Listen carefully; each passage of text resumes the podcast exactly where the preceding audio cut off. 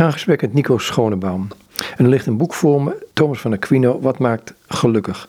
De vertaling en toelichting zijn van Nico Schonebaum. Het boek is uitgegeven bij uitgeverij Damon in Eindhoven. Ehm, ik heb er grote delen in gelezen. Niet alles, moet ik heel eerlijk zeggen. Want een van de nare dingen, of een van de mooie dingen die in het voorwoord zegt, is gewoon het simpele van, ja, eigenlijk moet je dit boek niet lezen. Maar je moet het, zoals de middeleeuwen zeggen, herkauwen en herkauwen en over nadenken. Dan denk ik, ja, hoe bereid je dan een interview voor? Heb jij daar tips voor? Um, ja, je zou eigenlijk uh, twee jaar moeten wachten en dan pas komen om het interview af te nemen als je het hebt uh, herkoud. Maar dat is flauw. Kijk, uh, je, je, begint, je begint het te lezen. En de meeste dingen die komen pas in na verloop van tijd. Maar je zal vanaf het begin ook wel misschien intuïties hebben of misschien een paar kleine inzichten. En als je dan verder gaat, dan worden die samen een groter geheel en een patroon. Maar laat ik beginnen met Thomas van Aquino. Um, scholastiek denk ik dan aan. Maar wie was hij? En hoe raak je geïnteresseerd bij iemand die zo methodisch nadenkt, terwijl we toch in een maatschappij leven waar gevoel steeds meer naar, de, ja, naar voren komt? Ja, ik zal even beginnen om aan te sluiten bij dat uh, onderscheid tussen het gevoel en het denken. Uh, ik herken ook dat we in een tijd leven waarin mensen heel erg met hun gevoel bezig zijn en het moet goed voelen en dit en dat.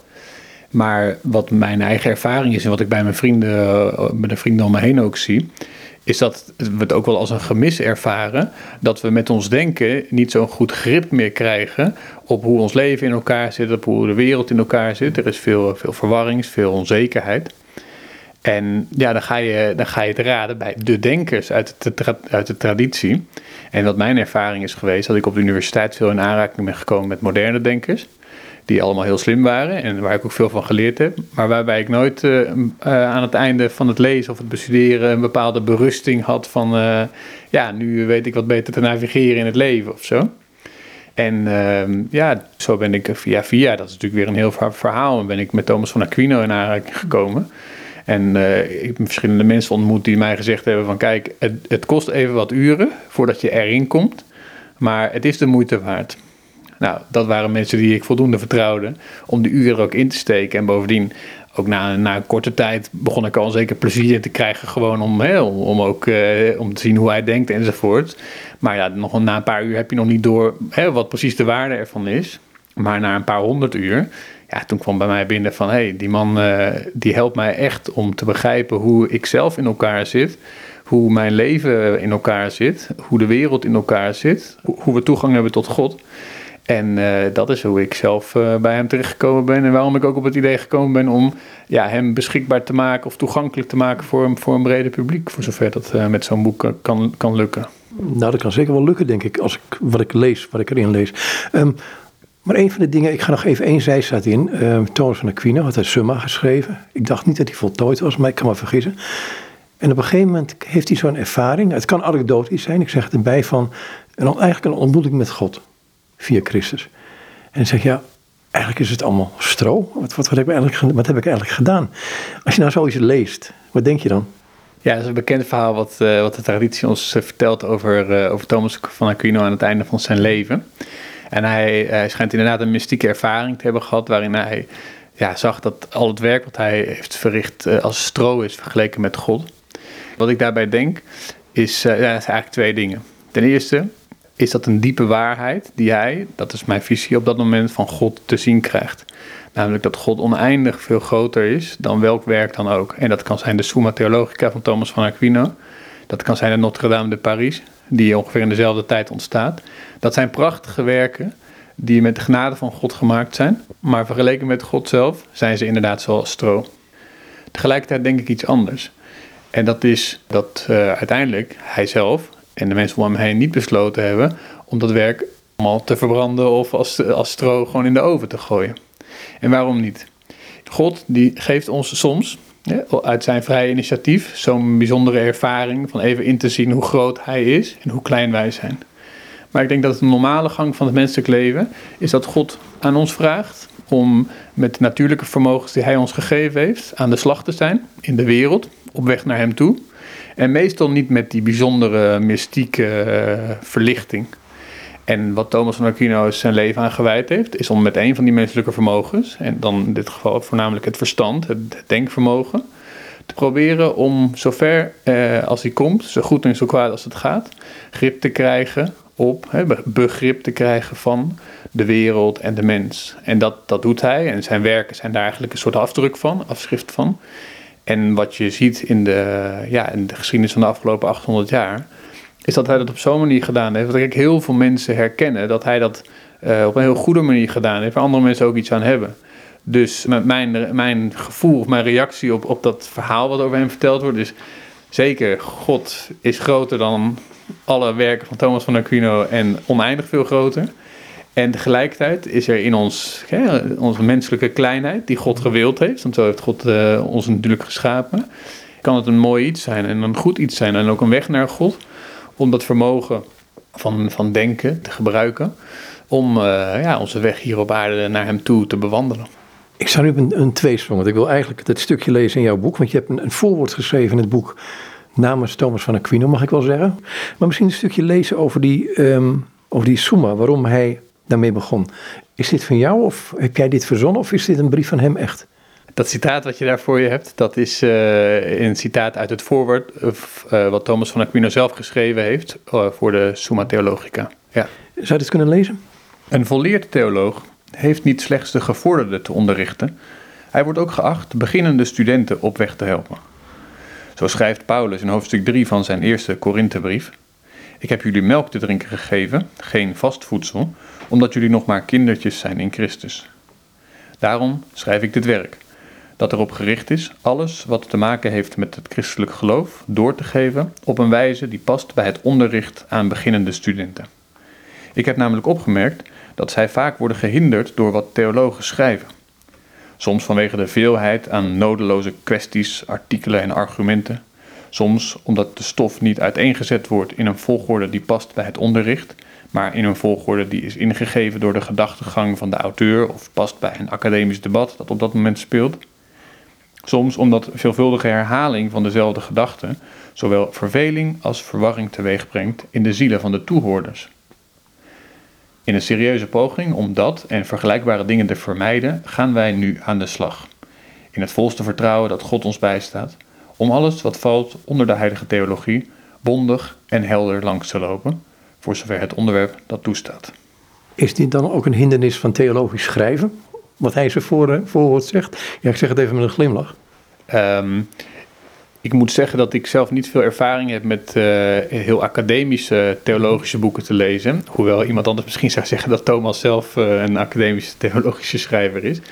Dus heel makkelijk kan ik op die vraag niet uh, antwoord geven. Maar ik voel het wel aan, want ik heb zelf ook in lessen gezeten, in mijn universiteit en ook in de middelbare school, waar je soort van het gevoel hebt van ja, het gaat hier misschien wel ergens over, maar ik heb er nog geen toegang toe, omdat het me eigenlijk eh, boven het hoofd gaat. En er zijn andere lessen waarin je juist de ervaring hebt van, hé, hey, dit, dit, is fijn, want iemand die leidt mij in, iemand neemt mij mee en die leidt mij eerst wat rond door de wereld, hè, de gedachtenwereld waarin hij thuis is, voordat hij begint met de meer uh, ja, fijnzinnige kwesties. En de Summa Theologica is een werk, eh, zoals Thomas hier eh, van tevoren zegt, waarin hij dus juist probeert om dat te doen. Hè, om voor beginnende theologiestudenten, die overigens wel enige achtergrond in de filosofie hebben dan, hè, maar uh, om dus voor die beginnende studenten eigenlijk een soort rondleiding te geven in de, in de studie van de heilige theologie. Het boek heet um, Wat maakt gelukkig? Als ik het lees dan, en ik moet aan Rudy Tevelde denken, de hoogleraar, die zei toen bij een boekpresentatie van jouw boek van... Uh, ja, dat is simpel voor Thomas. God maakt gelukkig. Nou, denk ik, dan zijn we er. Ja, dan zijn we er. Maar dat sluit misschien een beetje aan bij waar we het eerder over hadden... over dat verhaal van het einde van Thomas uh, zijn leven met die stro en... Uh, dat is waar en je kan het daarbij laten. Maar wat een theoloog nu juist doet, is kijken van... oké, hoe ver kunnen we komen als we gewoon zulke vragen gaan stellen als... wat bedoel je daar precies mee? God maakt gelukkig. En ook, wat zijn andere antwoorden die je zoal hoort op de vraag wat maakt gelukkig?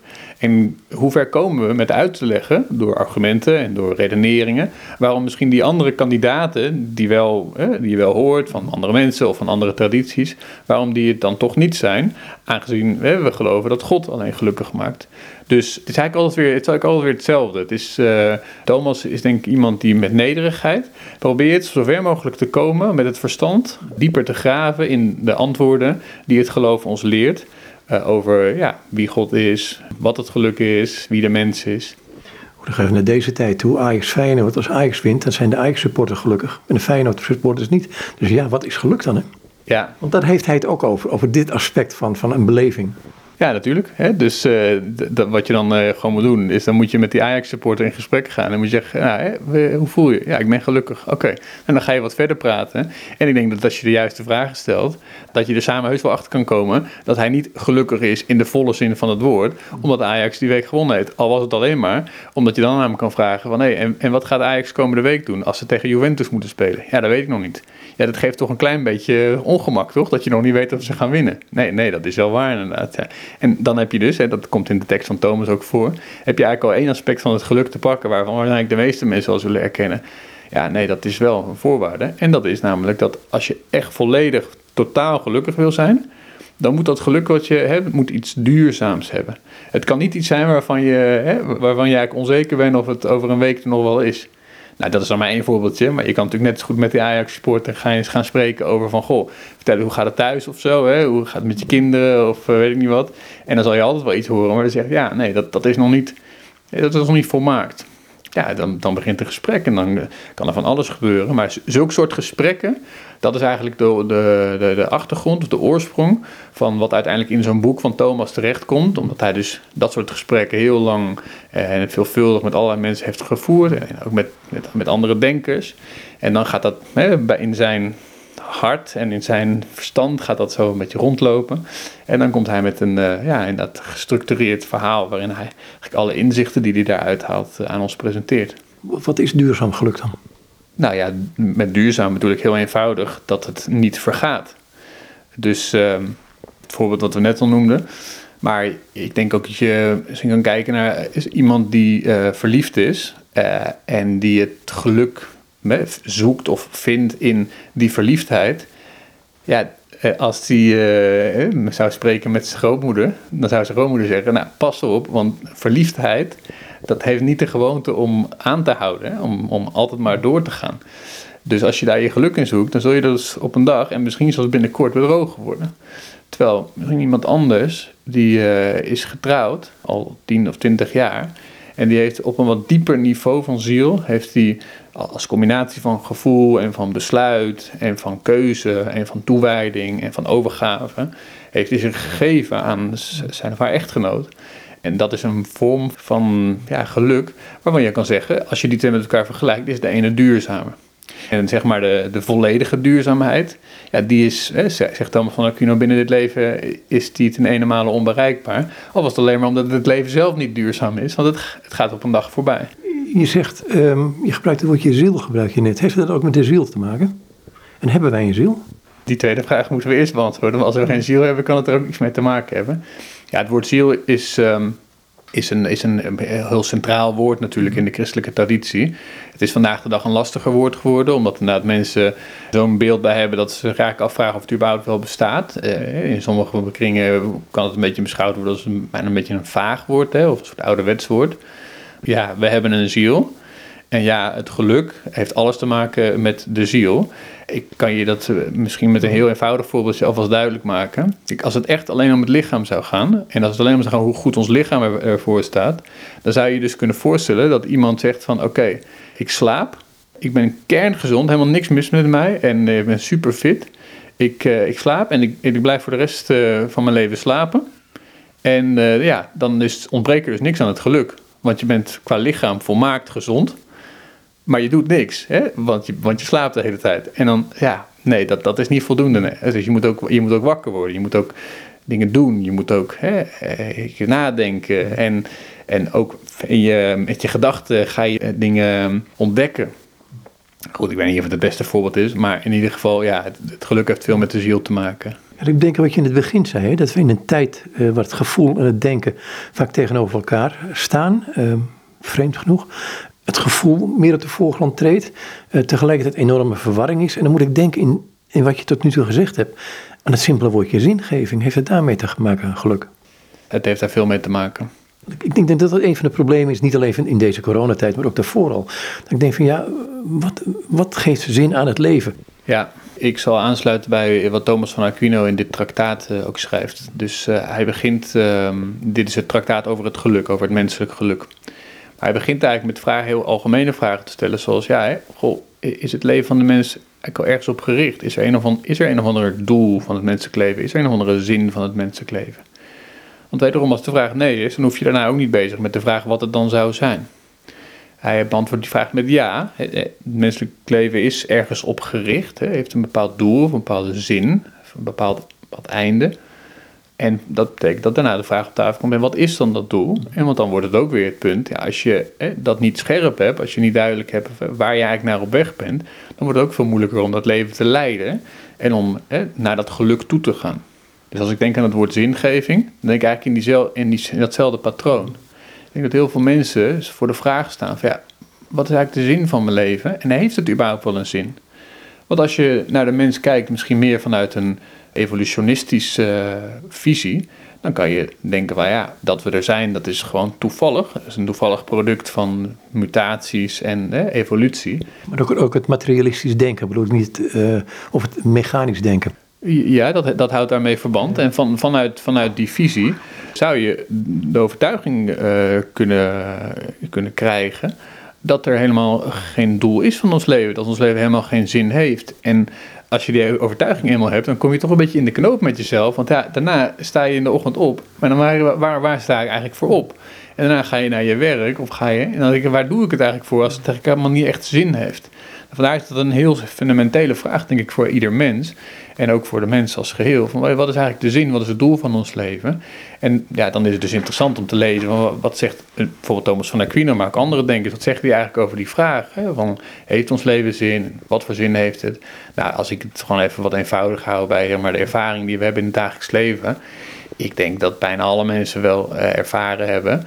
Dat op het moment dat je eens een keer hè, iemand een ander mens helpt. Hè, en dan even wat onbaatzuchtiger. En dan uh, ziet wat het teweeg brengt bij de ander en bij jezelf. Ja, dan denk ik dat je al, dat, daar heb je al een, een soort springplank of een soort beginpunt om te zeggen van hé, hey, daar gebeurt iets uh, van binnen bij mij. Wat nieuw is, wat, wat wel hè, een zinvol gevoel geeft. En nou, van daaruit kun je dan vertrekken. En dat is zomaar een voorbeeld, maar je kan ook bij andere dingen aansluiten. En dat is wat Thomas van Aquino ook doet, om uiteindelijk zijn, zijn overtuiging aan ons voor te zetten en daarbij argumenteren dat het leven zin heeft, dat het een doel heeft en wat dat doel is. En daarna komt de vraag op tafel hoe we dat dan bereiken. Is het zinnig om gewoon bijvoorbeeld een, een paar stukjes van te lezen om even de smaak te pakken te krijgen? Want ik vind eigenlijk wat ik ook een beetje proef in dit gesprek is dat Thomas van Aquino misschien onterecht en zeker, ja, het is een geleerde, maar het is niet een moeilijk lezer.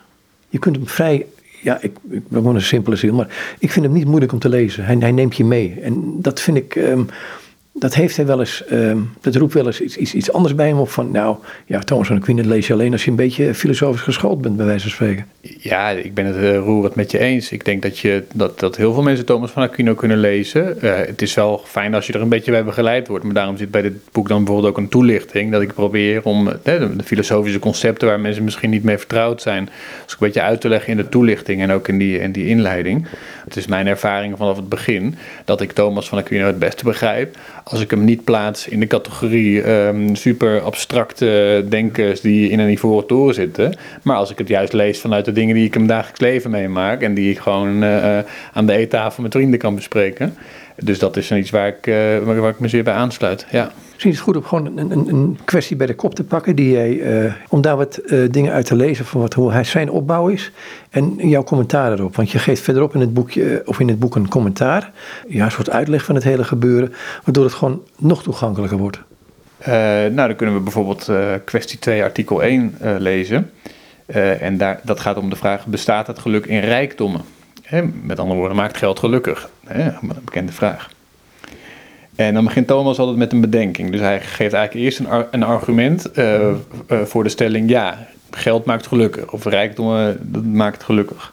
En dan gaat hij dat later weer leggen. Dus ik zal het even voordoen. Eerste bedenking. Het lijkt erop dat de gelukzaligheid van de mens bestaat in rijkdommen. Aangezien de gelukzaligheid het einddoel van de mens is, ligt het in de lijn der verwachting dat het bestaat in datgene wat de sterkste aantrekkingskracht op ons heeft. En dat zijn de rijkdommen, zoals in Prediker hoofdstuk 10 staat. Allen gehoorzamen het geld. De gelukzaligheid van de mens bestaat dus in rijkdommen. Nou, dit is de eerste bedenking. Het is een heel, heel eenvoudig argument. Hij zegt, ja, de gelukzaligheid, dat is het einddoel waar we naartoe werken. Dus je zou verwachten dat datgene wat het sterkst aan ons trekt, dat dat wel hetgene is wat ons gelukkig maakt. Nou, ten eerste hoef je maar om je heen te kijken om te zien hoezeer het geld aan de mensen trekt. En dan heeft hij ook nog een citaat uit, uh, uit het boek Prediker. En dan uh, heb je daar zo die bedenking. Nou, ik lees dan de, de weerlegging. Het komt dan later. Eerste weerlegging. Het gezegde, alle dingen gehoorzamen het geld, gaat op voor de vele dwaze mensen die slechts de lichamelijke goederen, die inderdaad met geld gekocht kunnen worden, kennen. Maar een juist oordeel over wat goed is voor de mens moet men niet baseren op wat dwazen zeggen, maar op wat wijzen zeggen. Zo moet men ook een juist oordeel over smaken op het oordeel van degene wie smaakpapillen het beste werken. Nou, best wel intuïtief. Mhm. Als jij uh, wil weten, wat, wat moet ik dan doen om, om gelukkig te worden? Ja, dan ga je waarschijnlijk niet uh, een programma op de commerciële omroep kijken.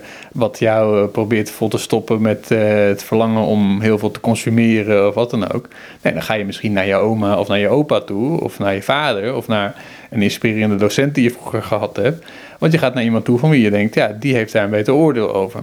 En dat is waarom, dat, zo, zo weerlegt hij hier die stelling van, hé, hey, gehoorzaam met het geld, dat dat het geluk zou zijn. Ik lees dan een stukje uit het antwoord van Thomas. Dus uh, we hebben nu gezien hoe hij dan een aantal bedenkingen uh, formuleert en die dan weer legt. Maar het hart van elk artikel bestaat uit het antwoord wat hij zelf geeft op uh, de vraag. dus ik zal er wat uit voorlezen. Mijn antwoord. Het is onmogelijk dat het geluk van de mens in rijkdommen bestaat. Er zijn twee soorten rijkdom: natuurlijke en kunstmatige. Aristoteles legt dat uit in boek 1 van de Politica. Natuurlijke rijkdommen zijn rijkdommen waarmee de mens voorziet in zijn natuurlijke behoeften. Voorbeelden zijn voedsel, drank, kleding, karren, onderdak, huizen enzovoort. Kunstmatig zijn de rijkdommen die geen natuurlijke hulp bieden, zoals munten. De, mens, de menselijke vinding rijkheid heeft ze voortgebracht om de handel te vergemakkelijken.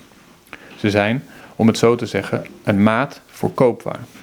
Oké, dus uh, Thomas die gaat altijd heel systematisch te werk. Hij ziet hey, rijkdommen, maar daar zijn dus twee soorten van. Aan de ene kant hebben we de rijkdommen waar we echt iets aan hebben, zoals een huis uh, en uh, een, een, kledingstuk.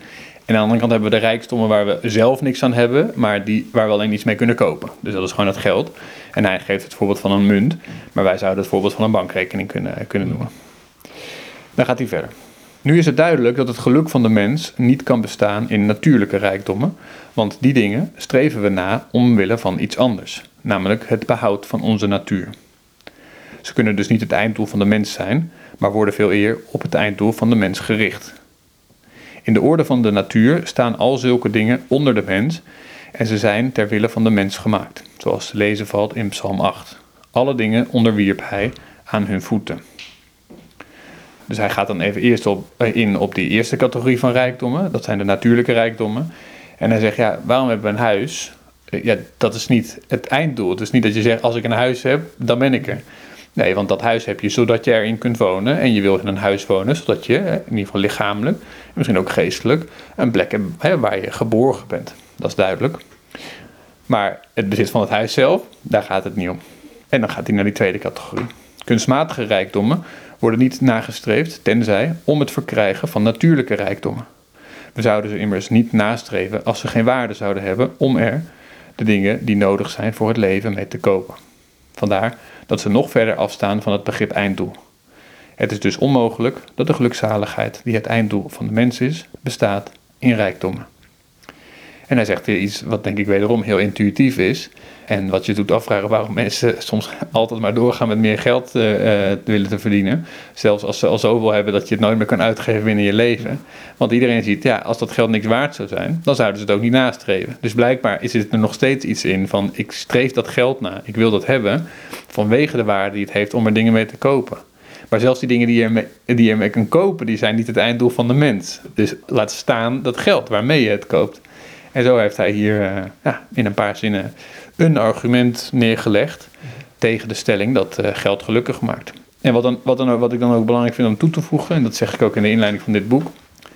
Kijk, Thomas gaat eindeloos veel kwesties langs die op een of andere manier binnen de theologie thuis horen.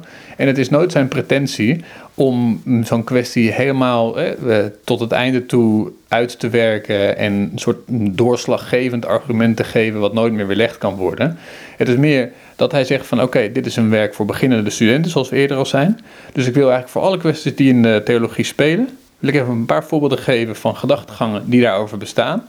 Zowel bedenkingen als weerleggingen. Hè, dus om, om eigenlijk ook de tegenstander aan het woord te laten. En dan wil ik eh, in een paar argumenten uh, mijn antwoord geven hoe ik daarover denk en hoe de traditie daarover denkt. Met de argumenten. En dan is het is ook een beetje voor de, voor de lezer. Van, vanaf daar kun je zelf verder gaan om nog wat verder over na te denken. Hè, misschien dat je extra bedenkingen zijn die bij je opkomt. Misschien dat je extra dingen zou willen toevoegen aan het antwoord. Maar dit is wat, uh, wat hij dan schrijft over die eerste, dat eerste artikel van kwestie 2 over, uh, over rijkdommen. Ja, je hebt vijf kwesties erin opgenomen in het boek. Um, ik was het meest gecharmeerd door kwestie 3 hoor, het spijt me. Wat is geluk? Want er zet hij ook nog twee andere dingen tegenover elkaar, dacht ik. Um, en het is um, op de eerste wijze is het einddoel van de mens een ongeschapen goed, namelijk God, omdat slechts Hij met zijn oneindigheid de wil van de mens volledig kan vervullen. Op de tweede wijze is het einddoel van de mens daarentegen iets geschapens dat in de mens bestaat. Het is namelijk niets anders dan het bereikt hebben ofwel genieten van het einddoel. Dus die gelukzaligheid heeft ook te maken met genieten op de een of andere manier, het genieten van God. Um, en dan kom je alweer richting, toch een beetje richting mystiek en niet de scholastiek ik zal proberen mijn eigen woorden uit te leggen hoe Thomas van Aquino denkt over die kwestie van hè, wat is de rol van het ongeschapene en wat is de rol van het geschapene binnen het geluk. Dus Thomas van Aquino zegt, het geluk dat is iets van de mens. We hebben het over het geluk van de mens. Hè. Hij, hij, concludeert op het moment dat het bestaat in een bepaalde verhouding tot iets anders. Dus een verhouding van de mens tot iets anders. Wat is dat andere? Dat is God. Dus er is niets anders waar de mens zich toe kan verhouden op zo'n manier dat hij gelukkig is. Niet rijkdommen, niet eer, niet gezondheid, niks. Dus er is duidelijk een grote rol voor God, de enige ongeschapene, in het geluk van de mens. Maar er is ook nog iets anders. En dat is dat als God alleen er zou zijn, en er zouden geen mensen zijn, dan zou er ook geen menselijk geluk zijn. En daarom heeft het menselijk geluk ook een geschapen zijde. En dat is dat als een mens gelukkig is, is hij nog steeds een mens. En hij is een geschapen iets. En ook alle verhoudingen die hij heeft, tot God of tot anderen, vallen om die reden binnen de categorie van de geschapen dingen. Wat ik daar mooi aan vind, als ik het ook meer, wat meer zeg maar, betrek op, op ons eigen leven, in het christelijk geloof, in het christelijk leven, gaat het natuurlijk altijd over God. En dat is ook goed, want alles draait om God. En hij heeft ons geschapen en hij is de alfa en de omega. Maar het is ook goed om te beseffen dat God zelf wil dat wij mensen, hoe klein we ook zijn, naar Hem toe komen. En van het eeuwige leven met Hem genieten. Dus het is wel zo dat wij een rol spelen, eigenlijk een heel grote rol spelen in het heilsplan wat God zelf gewild heeft.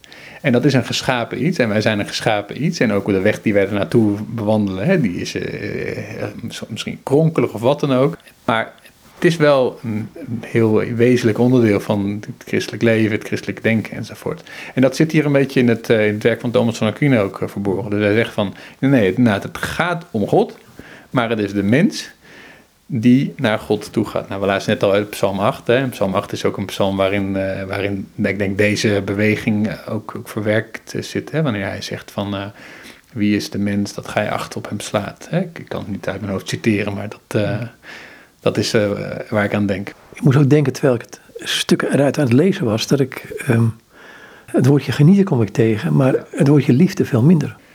Dat is een uh, goed punt.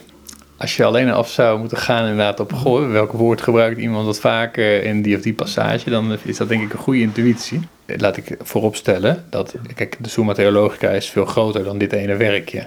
Hè? Want Thomas wijt een heel traktaat aan de christelijke liefde. En hij legt ook uit dat het het grootste is, het belangrijkste deugd. Hij, hij eh, legt ook uit dat God zelf liefde is, uh, wat in de Bijbel staat. Maar als theoloog werkt hij dat dus verder uit. Dan over het woord genieten. Ja, dus het woord genieten, daar, daar kunnen, we wat, uh, kunnen wat preciezer naar kijken. Het is inderdaad een woord wat eh, behoorlijk centrale rol speelt in dit traktaat van Thomas van Aquino over de gelukzaligheid. Het is tegelijkertijd een woord wat in onze taal ja, allerlei verschillende overtonen heeft. En ik denk dat het voornamelijk zo'n overtoon heeft van, uh, nou, hè, geniet maar lekker, maak je voor de rest geen zorgen en dat is het. Nee, maar Thomas zegt in één passage dat, kijk, het einddoel van de mens bestaat niet in het genieten. Nog in het lichamelijke genieten, nog in het geestelijke genieten.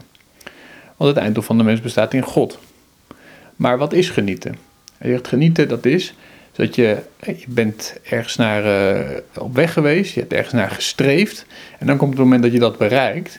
En dan nog even los van wat het is, dat is het moment dat je ervan geniet. Nou, dat kennen we misschien, hè, van als je een lange wandeltocht gemaakt hebt om ergens naartoe te gaan. Als je dan aankomt en je gaat zitten en misschien hè, met vrienden bij een haardvuurtje, ja, dan geniet je. Nou, hetzelfde kan ook veel eenvoudiger zijn. Ja, je ziet daar een stuk uh, lekkere appeltaart staan je streeft ernaar, je gaat het opeten en als je dan aan het eten bent, dan geniet je ervan.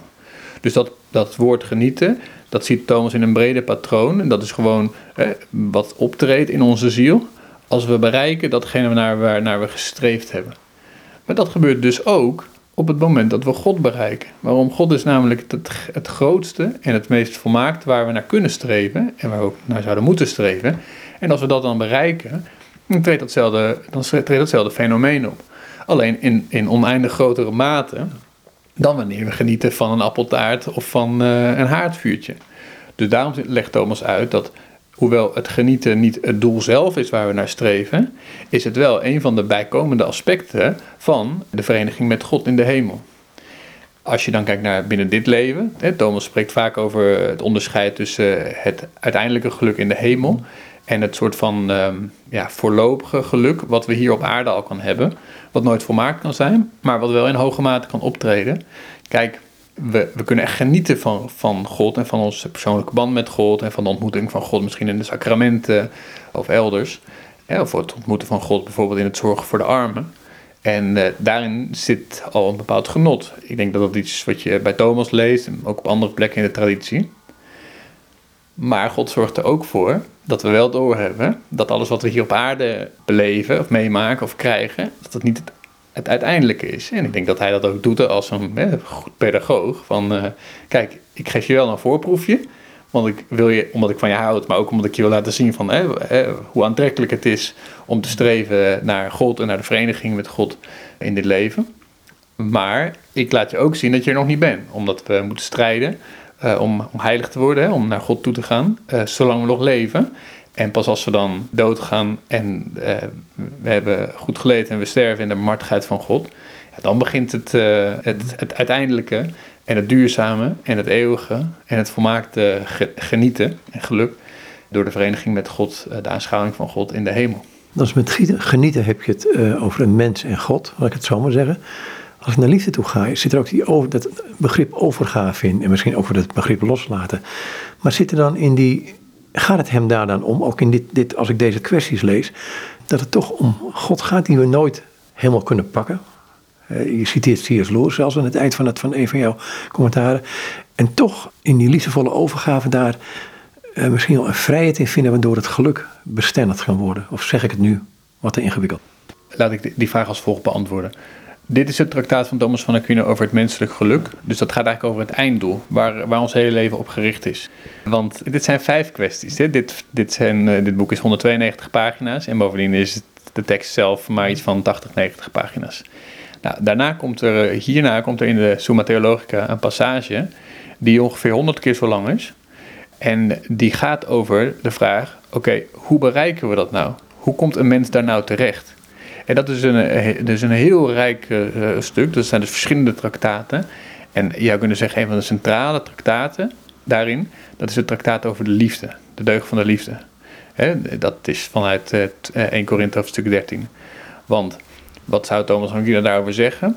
Kijk, de deugd in ons, in onze ziel, in ons hart, die de grootste rol speelt bij het bereiken van het einddoel van God, dat is de liefde christelijke liefde. Dat is namelijk de deugd die ons in staat stelt om eigenlijk al ons handelen, dus al ons doen en laten, ook als het te maken heeft met gewoon de dingen, de materiële dingen om ons heen en de mensen om ons heen, om die uiteindelijk te richten op de liefde voor God. Zodat wanneer we de naaste helpen, dat we de naaste echt helpen en het liefde voor de naaste, maar ten diepste uh, om, om uh, uit liefde voor God. omdat het een kind van God is die we helpen.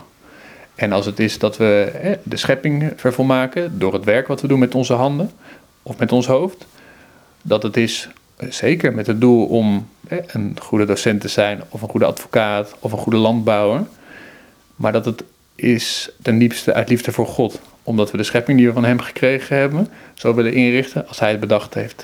Ik denk dat, dat zou, Thomas van dat, dat zou zeggen over de rol van de liefde in het richten van ons hele leven op het einddoel waar deze, waar deze tekst over gaat.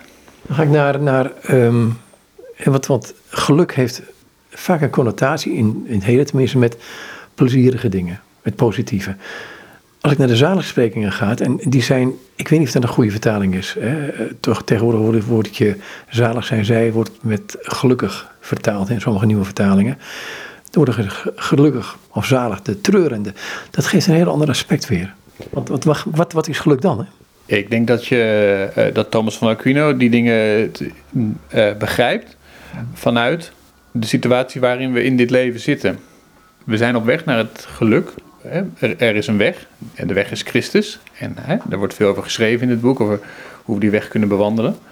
Maar we zijn er nog niet. En, belangrijk, we zijn, we zijn natuurlijk in de staat van erfzonde. Dus uh, onze eerste ouders hebben gezondigd en Christus is gekomen om ons te verlossen van de erfzonde, van de gevolgen van de erfzonde, maar niet op zo'n wijze dat we sinds zijn dood en verrijzenis weer in één keer terug zijn in de staat van, de, van het paradijs. Dus ik denk dat die, die, die zaligspreking, en zo begrijpt Thomas dat ook, voor zover ik zijn traktaten daarover al heb gelezen, en niet allemaal, uh, zegt hij, ja, hoe moet je nou bijvoorbeeld zoiets begrijpen als uh, zalig de treurende? Dat, dat gaat dus over dat als je echt van God houdt, en dat, dat betekent dat je dus echt ten diepste met hart en ziel toegewijd bent aan, aan zijn plannen en, hoe, en aan hoe hij wil dat de schepping vernieuwd wordt en hè, volgens zijn geest, volgens zijn heilige geest wordt, uh, wordt ingericht, ja, dan treur je erover dat het nog niet zo is. Want als we om ons heen kijken, dan zien we de, de wereld, en om te beginnen met mijzelf, hè, dus mijn eigen, mijn eigen hart en mijn eigen ziel, zijn nog niet volmaakt gericht op God. En als je daarom treurt, dan is dat er een uitdrukking van dat je houdt van God. Omdat je wil, ten diepste verlangt, dat de dingen zouden zijn zoals God wil dat ze zijn. Dus zo zou ik dat uh, met elkaar in verband brengen, ja, namens Thomas van Aquino. Kwestie 5 over het bereiken van een gelukzaligheid. Je hebt er al iets over aangeroerd. Hoe bereik je dat? Want op het moment dat ik het gelukzaligheid als gelukzaligheid herken, dan ontglipt het mij. Ja, dus misschien is het goed om hier uh, weer even te beginnen met het onderscheid tussen aan de ene kant uh, echt het denken hè, en het mhm. theologische denken. Uh, en aan de andere kant meer het existentiële ervaren en ik zelf als concrete echte mens en hoe, hoe kijk ik naar het geluk. En voor die beide perspectieven geldt dat ja, je kan zoveel traktaten lezen als je wil, maar ja, je zal altijd denk ik een ervaring behouden van wat is het nou toch precies of zo. Hè? Dus ik ben er nog niet helemaal. Dat heeft ook heel erg veel te maken met die, met die belangrijke intuïtie van de christelijke intellectuele traditie, dat God altijd groter is dan ons verstand. Dus we kunnen hem nooit volledig begrijpen. Maar daarnaast denk ik ook wel een onderscheid. Dus als je meer gaat zitten aan de kant van het denken en het theologische denken, dan kun je op een goed moment proberen, voor zover als het gaat, scherp te krijgen van wat kun je er nou over zeggen over het geluk. En dat is wat Thomas van Aquino hier doet. Nou, in het concrete dagelijks leven ja, we gaan, we, eh, we, gaan niet zeg maar elke dag beginnen met een uur een soort van studie doen van geluk of even nadenken van wat heb ik nou precies voor geluk. Nee, dat gaat natuurlijk allemaal wat meer intuïtief en zo. Ik, ik zou de mensen zeker aanraden om elke dag te beginnen met een half uur te bidden. Om, laat ik maar zeggen, even hè, aan te sluiten qua hart bij, eh, bij God en bij hè, waar je eigenlijk vanuit, eh, vanuit leeft. Maar dan nog is dat gebed ook niet een soort van een poging om na een half uur even super scherp te hebben. Misschien verstandelijk van waar we ook weer naar, naar op weg zijn. Dus dat is, ehm, om te kijken wat jij zegt, ja, het ontglipt me altijd. Dat lijkt me ehm, iets wat we allemaal herkennen. En dan zeg je van, oké, hoe, hoe, bereiken we dat dan? Het antwoord op die vraag, dat geeft Thomas hierna in vele traktaten. Maar hier begint hij gewoon even met een paar vragen van, ja, kan de mens het eigenlijk bereiken? En dan heb ik het nog niet over, kan die het bereiken op eigen kracht? Maar gewoon, kan die het bereiken? Ja? Nou, vertel maar, want dat, dat vind ik het leuke van dit traktaat namelijk, of deze, deze kwestie. Zullen we, er, zullen we een stukje erover lezen gewoon? Dan, dan lezen we daar een stukje over. Dan zijn we in kwestie 5 over het bereiken van de gelukzaligheid. En dan lezen we een stukje uit artikel 1. kan de mens de gelukzaligheid bereiken? Eerste bedenking. Het lijkt onmogelijk dat een mens de gelukzaligheid verwerft. Zoals de redenerende naturen hoger zijn dan de zintuigelijke, zo zijn de doorschouwende hoger dan de redenerende, zoals Dionysius, de Areopagiet, op allerlei plaatsen duidelijk maakt.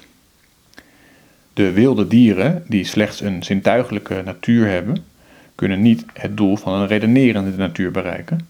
De mens, die een redenerende natuur heeft, kan dus evenmin het doel van een doorschouwende natuur bereiken, en dat is de gelukzaligheid. Ik zal hierbij ook de toelichting lezen. In deze bedenking staan drie naturen centraal: zintuigelijke, redenerende en doorschouwende.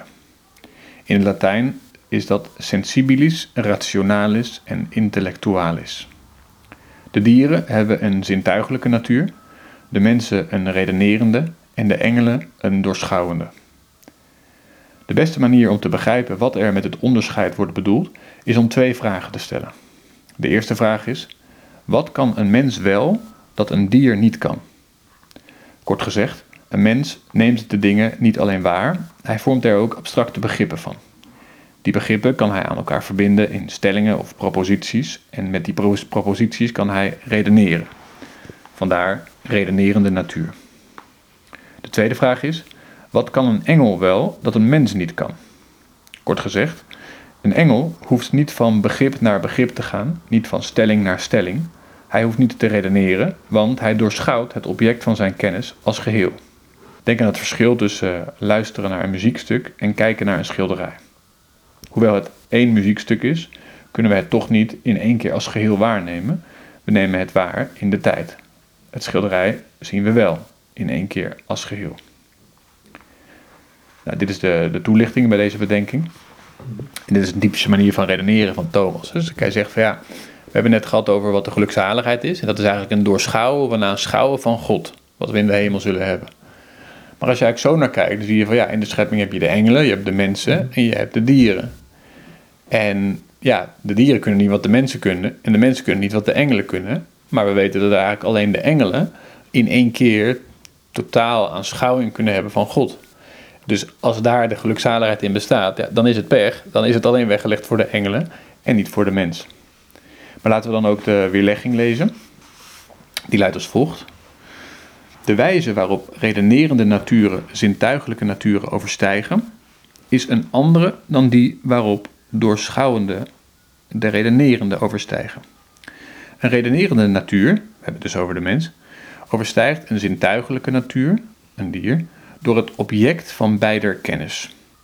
De zintuigen kunnen onmogelijk het algemene kennen, terwijl de reden dat wel kan. Een doorschouwende natuur overstijgt een redenerende door de wijze waarop ze dezelfde verstandelijke waarheid kennen. Doorschouwende naturen doorschouwen die waarheid onmiddellijk, terwijl redenerende naturen het door onderzoekend denken leren begrijpen, zoals we in deel 1 bespraken. Ook een redenerend intellect kan dus door een zekere beweging bereiken wat een doorschouwend intellect begrijpt. Een redenerende natuur kan dus de gelukzaligheid verwerven die de volmaaktheid van de doorschouwende natuur is, zij het dan op een andere wijze dan de engelen. De engelen bereiken het onmiddellijk na hun schepping, de mensen pas na verloop van tijd. De zintuigelijke naturen kunnen dat doel op geen enkele wijze bereiken. Kijk, dus uh, we zeiden, er zijn dieren, mensen en engelen. En een dier kan niet wat een mens kan en een mens kan niet wat een engel kan. Dat klopt. Alleen het verschil tussen dieren en mensen is hier een ander verschil dan het verschil tussen mensen en engelen. Wat Thomas uitlegt is, kijk, een dier, wat een soort kennis heeft die? Die heeft alleen maar kennis van gewoon directe zintuigelijke waarneming. Terwijl bij mens gaat het een stap verder. Dus dat betekent dat er is een heel, eigenlijk een heel domein van dingen die een mens wel toegang, waar de mens wel toegang toe heeft, maar de dieren niet. Maar het verschil tussen de mensen en de engelen is van een ander soort. Want het domein is hetzelfde. Dus zowel mensen als engelen hebben toegang, zal ik maar even zeggen, tot de geestelijke, of meer intellectuele of abstracte aspect van de werkelijkheid. Alleen bij mensen gaat dat stapje voor stapje en bij engelen gaat dat in één keer. Nou, wat Thomas uitgelegd heeft.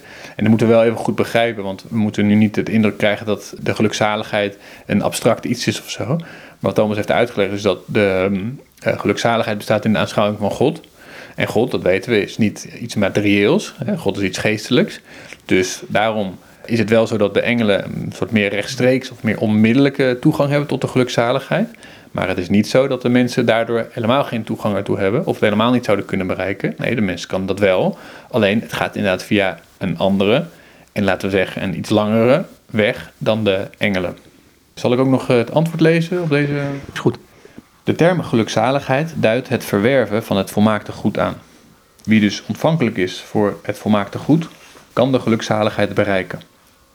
Dat de mens ontvankelijk is voor het volmaakte goed, blijkt hieruit dat zijn verstand het algemene en volmaakte goed kan bevatten en zijn wil het kan nastreven. De mens kan dus de gelukzaligheid verwerven. Het blijkt ook uit het feit dat de mens in staat is tot aanschouwing van het wezen van God, zoals we in deel 1 gezien hebben. En daarin bestaat de gelukzaligheid. Thomas uh, geeft een mhm. kort antwoord. Hij zegt: Ja, kijk, de mens is in staat om met God verbonden te zijn. Hij is in staat om naar die verbondenheid met God te streven. Met andere woorden, het is mogelijk. Hoe het mogelijk is en welke rol de mens daar zelf in gaat spelen en welke rol de God daarin gaat spelen en welke rol misschien andere mensen daarin gaan spelen, dat zien we later. Maar dat het mogelijk is op zichzelf beschouwd, dat, is, uh, dat, is, dat, is, dat legt hij hier kort uit, dat is zo. Ik wil nog een, stukje wat hij vlak voorzet voor het antwoord. Um, zegt hij in Psalm 93 lezen we, zalig de mens, Heer, die door u onderwezen wordt. Je zei, had het net iets over ehm, het beginnen van de dag met gebed. Is bijbellezen daar ook een deel van in die zin van dat je je daardoor door gebed en bijbellezen kunt openstellen van God? Um, want schouwen is een lastig begrip voor ons, denk ik.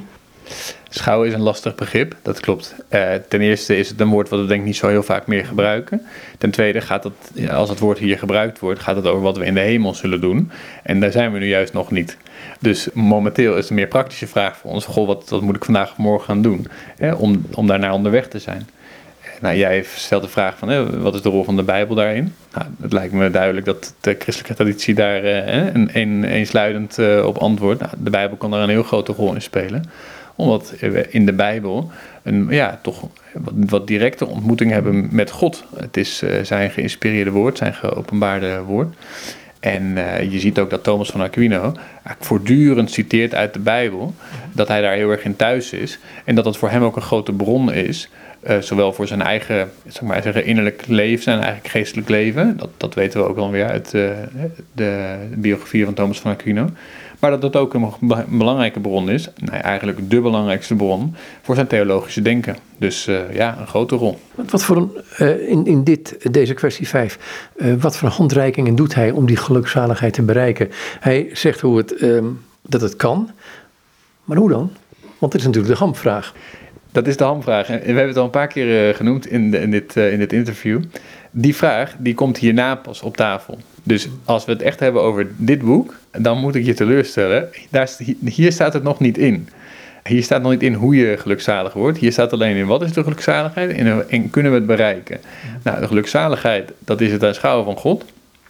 Kunnen we het bereiken? Ja, we kunnen het bereiken.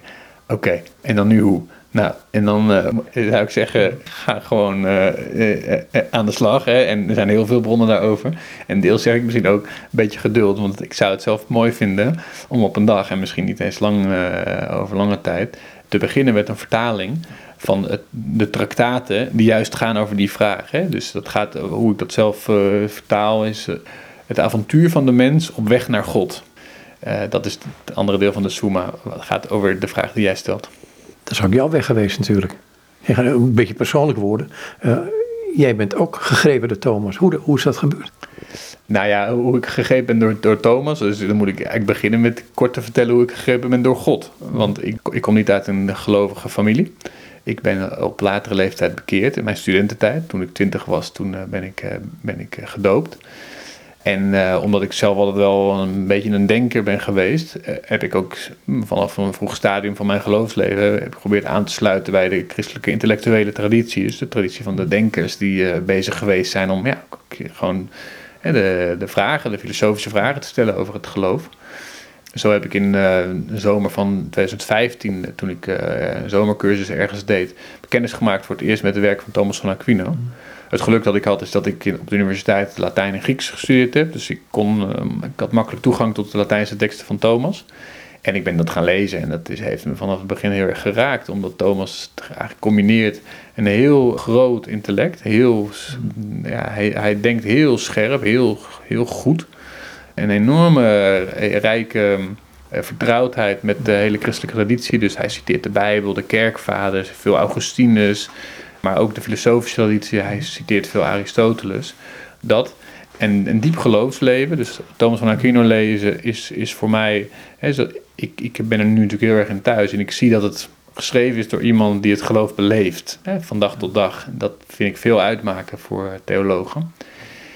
En dan ehm, tot slot dat het ook gewoon iets heel praktisch en eenvoudigs heeft. Dus het wordt, ja, het wordt, het wordt bijna nooit, en zeker niet als het meer gaat over de dingen van ons leven, het wordt bijna nooit abstract of vaag. Uh, nou, abstract wel in, in, in een bepaalde zin van het woord, maar het wordt, het, bij, alle, bij alle passages die ik van Thomas lees, zie ik direct een verband met, of, of komen er voorbeelden bij me op uit het dagelijks leven uh, van mijzelf, van anderen.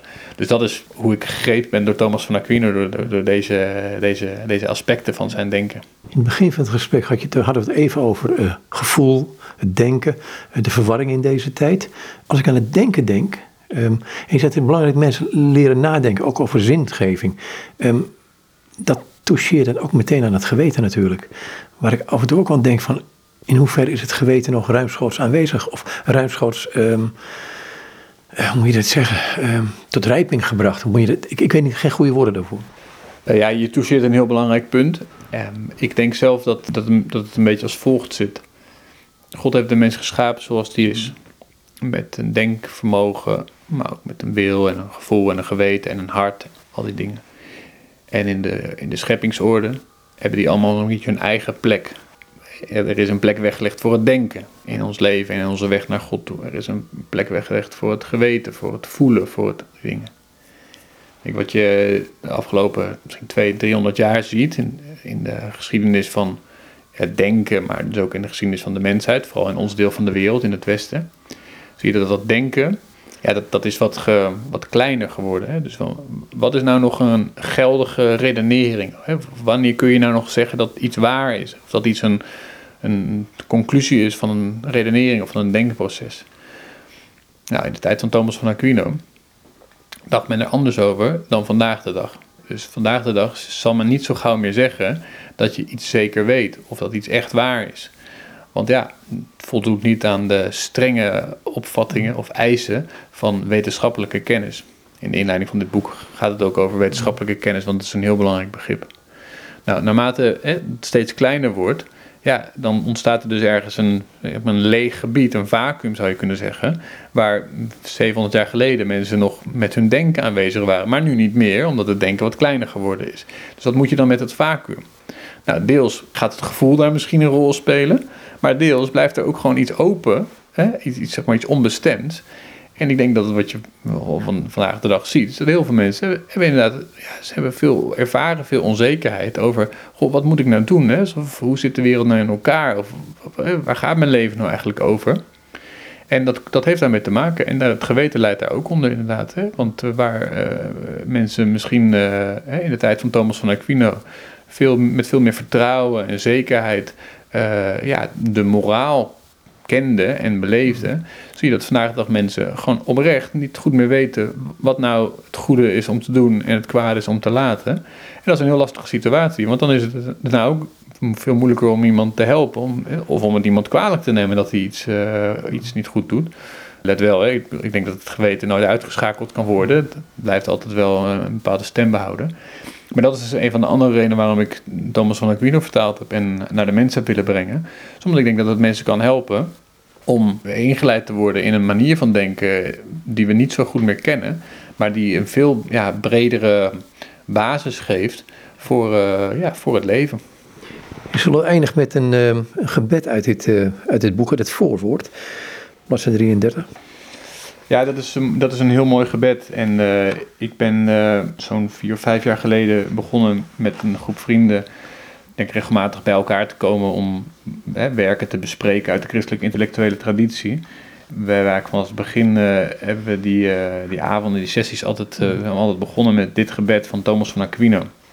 hij schreef dat om zelf te bidden elke keer voordat hij ging studeren. Dat deed hij nogal vaak, dus we kunnen aannemen dat hij het zelf ook veel heeft gebeden.